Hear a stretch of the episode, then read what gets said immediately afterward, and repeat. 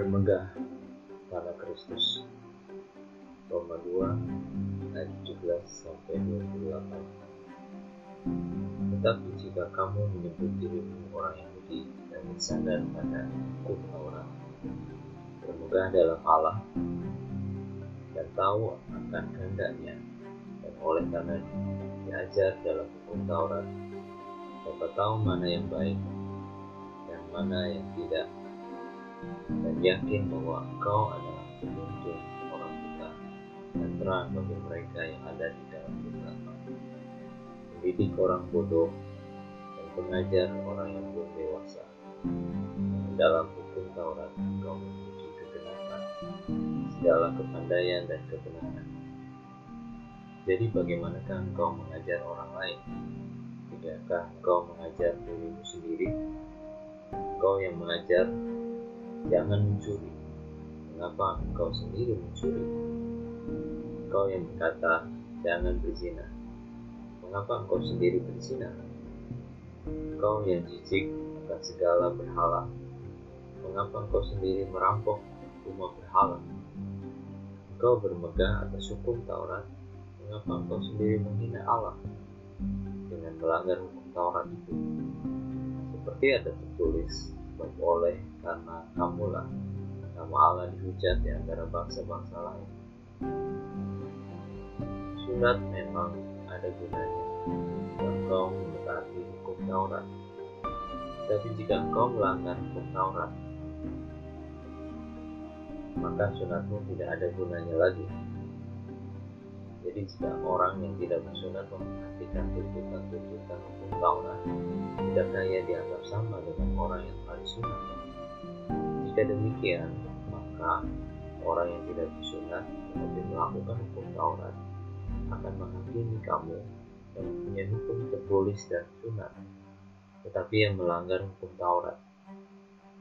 Sebab yang disebut Yahudi bukanlah orang yang lahiriah Yahudi, dan yang disebut sunat bukanlah sunat yang dilangsungkan secara lahir ya. tetapi orang Yahudi sejati ialah dia yang tidak nampak keyahudiannya dan sunat ialah sunat di dalam hati.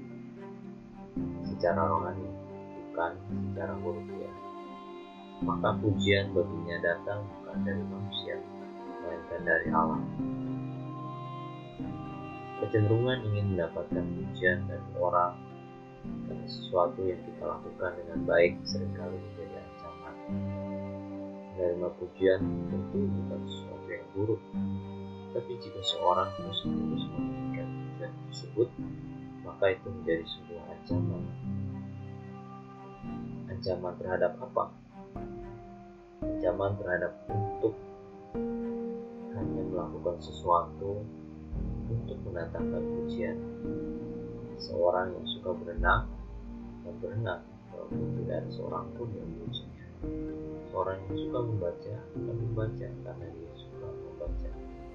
Tentu ada kesukaan yang kemudian berkembang menjadi prestasi dan kata pujian dari banyak orang. Di sini kita harus mawas diri karena sering kali ada ancaman di balik semua yang kita lakukan ketika kita fokus pada pujian itu sendiri dibandingkan dengan apa yang kita lakukan. Paulus mengingatkan kita bahwa sering kali motif dari sebuah pekerjaan yang baik adalah keinginan untuk menjadi pusat perhatian dan pujian manusia. Sunat itu adalah hukum yang baik dan motivasi untuk menggunakan diri, bukan untuk supaya kelihatan baik. Di sini Paulus menggunakan kemampuan retorikanya menegur orang-orang yang bermegah dengan kehidupan agamanya, tapi mereka tidak menjaga dirinya. Tindakannya benar, tetapi motivasinya tidak benar. Mereka hanya ingin tampil saleh, tetapi kesalehan mereka palsu. Mereka menjadi munafik karena kesalehannya. Kegagalan menjaga motivasi yang benar tentu bukan masalah sekelompok orang, tapi juga permasalahan manusia. Cenderungan manusia mendapat pujian dari manusia, bukan dari Tuhan, sering kali terjadi. Keangkuhan dibangun di balik kegiatan agama dianggap sebagai kebenaran sejati. Itu adalah keliru besar. Ketidakmampuan menjaga motif itu menjadi jerat kejatuhan manusia dalam dosa. Lalu bagaimana? Kesadaran mengakuinya adalah penting. Bermegah karena Kristus adalah yang lebih utama daripada bermegah pada apa yang kita lakukan.